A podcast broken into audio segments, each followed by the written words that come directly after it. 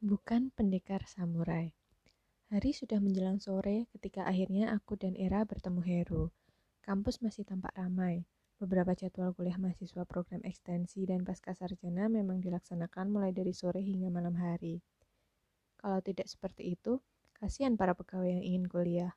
Beberapa temanku pun kadang iseng nongkrong di kantin mahasiswa pada sore hari, sambil berharap mendapatkan kenalan para pegawai kantoran yang sedang kuliah untuk menimba ilmu atau peningkatan jenjang karir.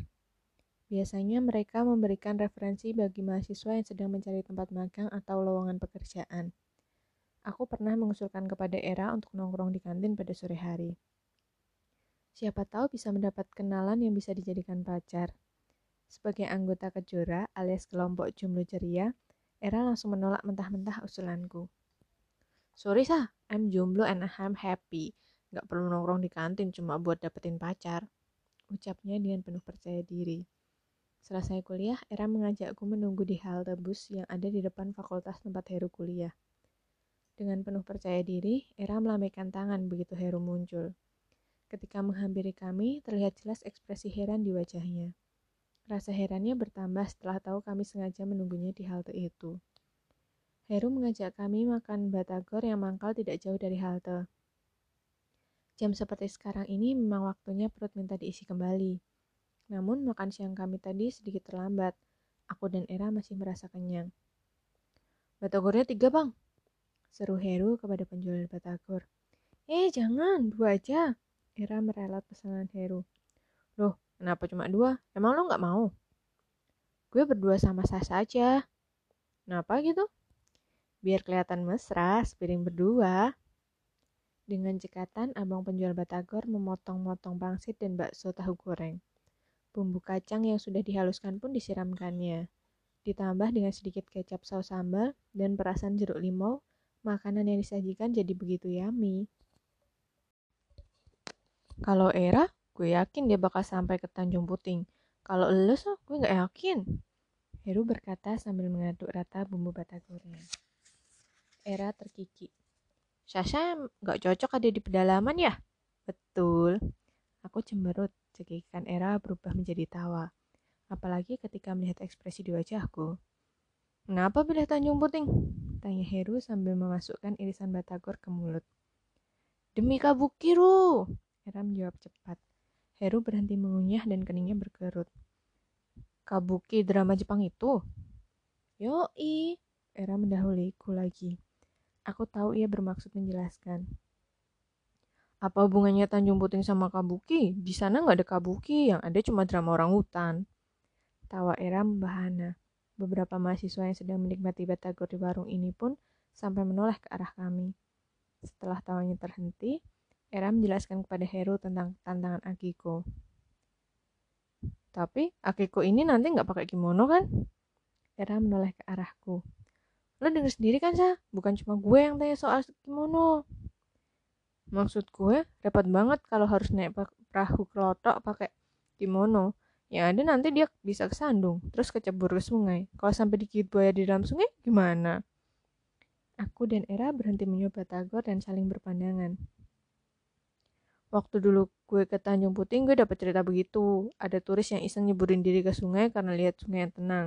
Dia lupa kalau salah satu makhluk penghuni sungai di Kalimantan sana tuh buaya. Terus? Era bertanya penuh rasa ingin tahu. Gigit buaya lah dia. Heru menjawab santai sambil melahap batagor di piringnya yang tampak berkurang setengah. Aku nyaris terpekik mendengar jawaban Heru. Era menyenggolku. Nanti kalau kita jadi ke Tanjung Puting, lo jangan sembarangan nyemplung ke sungai ya. Aku melirik Era dengan kesal. Siapa yang mau nyemplung ke sungai? Betul, Heru menyetujui. Duduk manis saja di perahu kelotok. Ada pilihan selain naik perahu kelotok nggak? Heru tertawa. Ingin cepat sampai ya? Aku mengangguk tersipu. Emang lama sih kalau naik perahu kelotok. Gue aja sampai mati gaya selama 4 jam perjalanan. Aku takjub mendengar kata-kata Heru.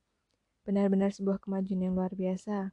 Heru yang dulu irit bicara, sekarang bisa mempunyai kosakata matiga ya? Bisa naik speedboat kan, Roh? Salah era. Bisa, tapi biayanya lebih mahal. Waktu tempuhnya emang jadi lebih singkat sih, sekitar 2 jam. Aku menghela nafas. Ada uang, ada rupa. Ternyata tidak hanya berlaku di kota besar saja. Kalau jadi ke Tanjung Puting, lo bisa nemenin kita kan? Heru menghabiskan sisa batagor yang ada di piringnya. Tangannya memberi isyarat ke arah penjual minuman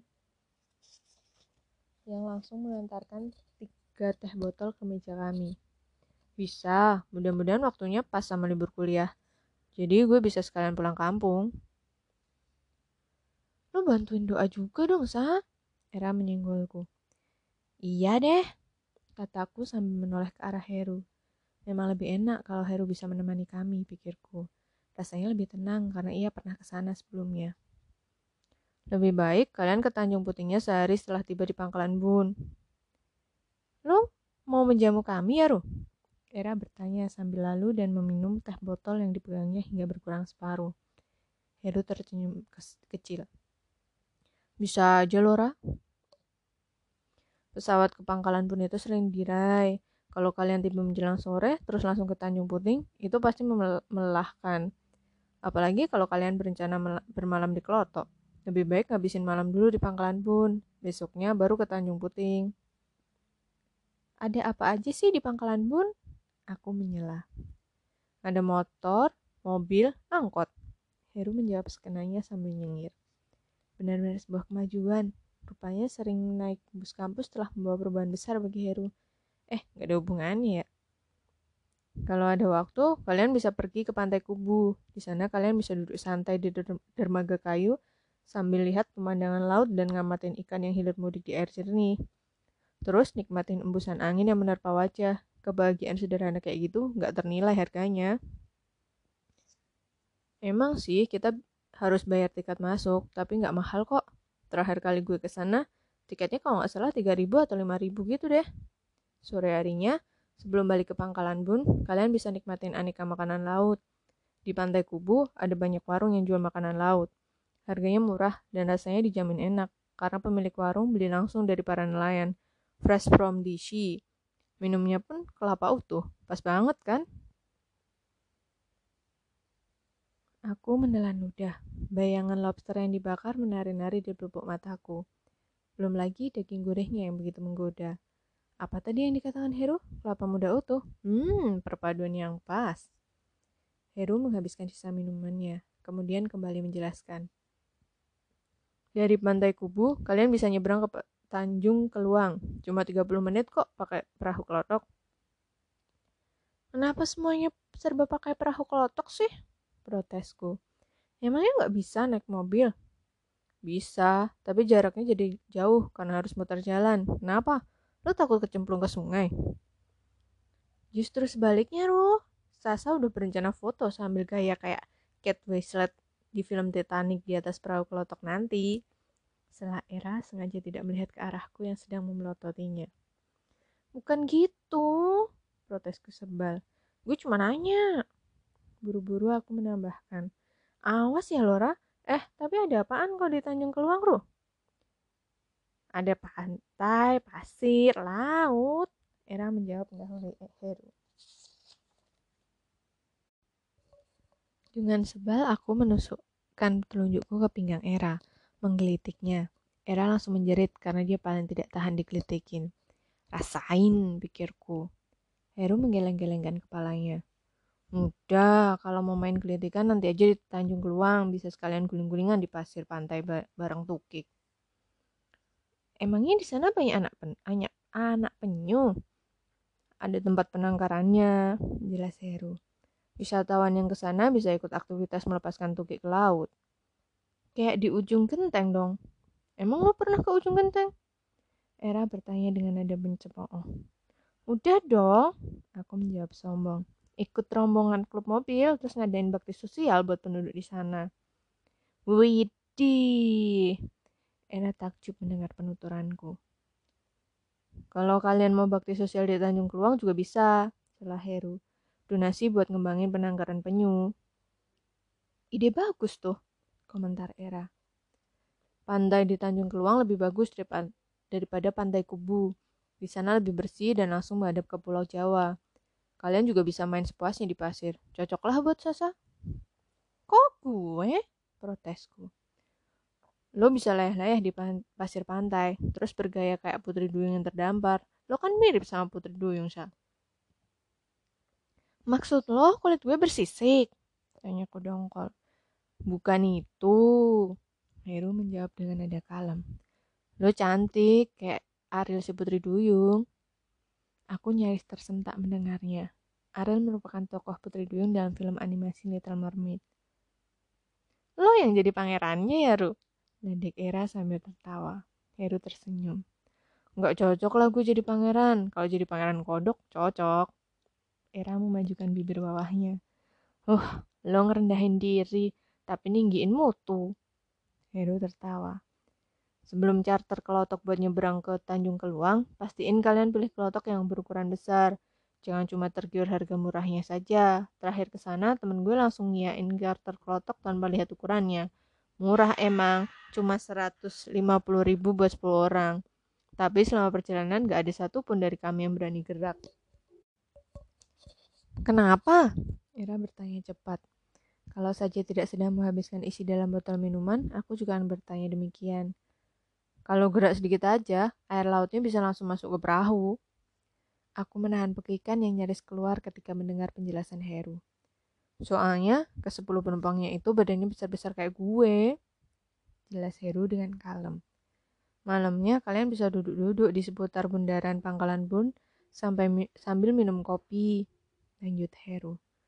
Kopinya enak, Ruh. Itu sih tergantung selera.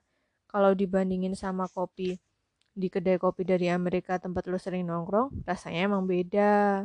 Heru tertawa. Tapi kalau buat gue, rasanya lumayan lah. Aku cemberut. Bagaimana sih Heru? Bu ya kalau membandingkan kopi lokal itu dengan sesama kopi lokal, jangan dibandingkan dengan kopi impor. Membandingkan itu harusnya setara, apple to apple. Jangan membandingkan apple dengan strawberry, apalagi blackberry. Esok paginya kalian berangkat ke pangkalan pelabuhan Kumai. Cuma setengah jam perjalanan kok dari pangkalan Bun. Dari Kumai, kalian tinggal charter kelotok atau speedboat. Kalau mau ngerasain petualangan yang sensasional ya naik kelotok. Speedboat itu lebih cocok buat one day tour. Aku dan Era menyimak penjelasan Heru. Kalau nanti Akiko memilih Tanjung Puting, bukan cuma dirinya yang akan mendapatkan pengalaman yang luar biasa, melainkan kami juga. Aku mencuri pandang memperhatikan Heru. Selain ukuran tubuhnya, tidak banyak yang berubah dari Heru. Semasa SMP dulu, Heru bertubuh kurus, sekarang tubuhnya membesar. Pernah menonton film Hulk? David yang bertubuh kurus berubah menjadi Mako berbadan besar. Analogi itu sesuai untuk menggambarkan perubahan fisik Heru. Namun, tentu saja tubuh Heru tidak berwarna hijau. Kulitnya tetap berwarna sawo matang, rambut lurusnya tersisir rapi, garis rahangnya tegas, dan kacamata bertangkai coklat menghiasi wajahnya. Tiba-tiba Heru menoleh ke arahku. Klek. Aku merasa mukaku menjadi panas. Gue rasa teman Jepang lo bakal milih ke Tanjung Puting, apalagi kalau dia tipe pendekar samurai yang pemberani. Eh, lo sendiri punya nyali nggak pergi ke pedalaman, Syah? Era menyinggol tanganku. Nah, bener yang dibilang Heru, lo berani nggak? Mereka berdua kompak bener munjukin gue, gerutuku dalam hati. Aku mengambil tisu dari dalam tas dan mengelap bibirku sebelum menjawab pertanyaan mereka. Begini ya teman-teman, aku berdaham beberapa kali. Walaupun gue bukan pendekar samurai, bukan berarti gue gak punya nyali hadapin tantangan. Kulihat Era bertungkar pandang dengan Heru. Kita lihat aja, Ruh, anak mama ini pada akhirnya berani ke Tanjung Puting atau enggak? Tantang Era. Eh, kalau Akiki, Akiko memilih tempat lain bukan berarti gue yang penakut ya. Heru kemudian mengeluarkan uang dari dalam dompetnya. Kalau dia pilih destinasi lain, gue traktir kalian makan ayam penyet di kancut. Nungguin lo selesai kuliah, keburu pingsan, Ru. Komentar Era. Saban hari lo pulang sore gitu. Heru tertawa. Kalau gitu, gue traktir batagor ini aja deh. Heru menemaniku sampai bus yang biasa aku naiki datang. Era sudah lebih dulu ngacir setelah memastikan Heru menungguiku. Lu nggak takut hilang di Kalimantan? Masa hilang sih? Protesku. Bukannya apa-apa, kalau lo hilang, kita bakal kehilangan banyak momen bagus selama di Tanjung Puting. Kapan lagi lihat Sasha kelulur, keluyuran di pedalaman Kalimantan? Aku hanya bisa tersenyum kecut. Siapa tahu lo nggak berani pergi ke Tanjung Puting, atau bisa jadi nggak dapat izin dari ortu. Heru menambahkan. Nanti cita-cita gue buat lihat lo berpeluh nepakin jalan setapak terancam nggak kesampaian deh. Sialan, aku mengumpat dalam hati. Seberapa serem sih perjalanan ke Tanjung Puting? Sebenarnya nggak serem, menurut gue perjalanan ke Tanjung Puting itu justru luar biasa. Lo bakal lihat pemandangan yang mungkin gak lo bayangin sebelumnya. Jaraknya emang jauh sih, tapi sepadan kok sama pengalaman yang bakal lo dapet. Oh iya, lu nggak akan nemuin yang seperti Tanjung Puting selain di Indonesia. Aku tercenung. Fasilitas toiletnya bikin galau nggak? Jangan berumpit, memperumit sesuatu, Syah. Gue yakin cewek kayak lu tuh tahu gimana ngakalin kebersihan toilet umum. Aku menarik nafas dalam-dalam. Kalau jadi ke Tanjung Puting, aku harus meluangkan waktu ke toko yang menjual obat-obatan, perlengkapan kesehatan, dan penunjang kebersihan. Pasti ada banyak yang harus kubawa selain tisu basah. Yang penting lo harus yakin dulu kalau lo sanggup pergi ke sana. Kalau lo nggak yakin, lo nggak bakal bisa ngeyakinin bokap nyokap lo. Aku terdiam membenarkan kata-kata Heru. Atau lo mau gue yang jelasin ke bokap nyokap lo? Aku tersentak. Mendadak wajahku terasa panas. Aku tidak menduga sama sekali kalau Heru akan sepeduli itu kepadaku. Aduh, nggak usah, kataku cepat. Biar gue, ja gue yang jelasin. Heru menunjuk ke sebuah bus yang melambat lalu berhenti. Itu bus jurusan ke rumah lo kan? Aku mengangguk. Kenapa nggak naik? Gue orang yang berprinsip kalau masih ada bus yang akan lewat. Heru terbahak mendengar jawabanku. Lo mau nemen gue temenin pulang? Gak usah, tolakku. Gue bisa pulang sendiri.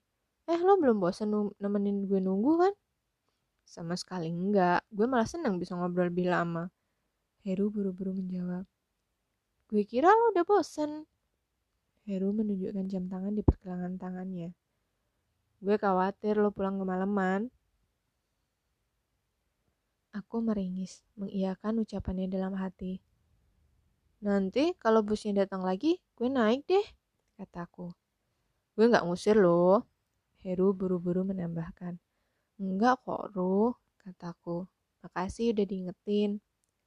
Kapan-kapan kita ngobrol lagi ya, Syah? Aku mengerling sambil tersenyum. Heru menunjuk ke ujung jalan. Tuh, bus lo datang lagi. Kalau rapat belakangan kalau rapat belakangan kayak gini, biasanya bus yang di belakang penumpangnya sedikit. Aku tak dapat menahan tawa. Kalimat Heru sudah seperti gaya awak bus saat berkomunikasi dengan sesama awak bus dari jurusan yang sama, yang datang dari arah berlawanan. Rapat belakang merupakan istilah untuk bus yang jarak kedatangannya tidak lama setelah kedatangan bus sebelumnya. Gue naik ya, Ruh, pamitku. Selamat bertarung, semoga izinnya keluar ya. Pesan Heru sesaat sebelum aku melangkah menuju bus yang baru saja berhenti. Aku masih sempat melambaikan tangan sebelum mataku sibuk mencari tempat duduk yang kosong. Benar yang dikatakan Heru, masih tersedia kursi yang kosong, termasuk kursi favoritku. Tempat favoritku ini letaknya tepat di belakang sopir, VIP, karena ruang kakinya lebih lapang dan view-nya lebih luas. Aku menyadarkan kepala dan mulai memejamkan mata. Entah apa reaksi mama kalau tahu aku akan pergi ke pedalaman Kalimantan sana. Apalagi kalau mama tahu aku akan menyusuri sungai dengan menggunakan kelotok. Aku menarik nafas dalam-dalam. Walaupun bukan pendekar samurai, aku akan tetap bertarung dengan gagah berani. Bertarung untuk mendapatkan izin liburan. Semangat!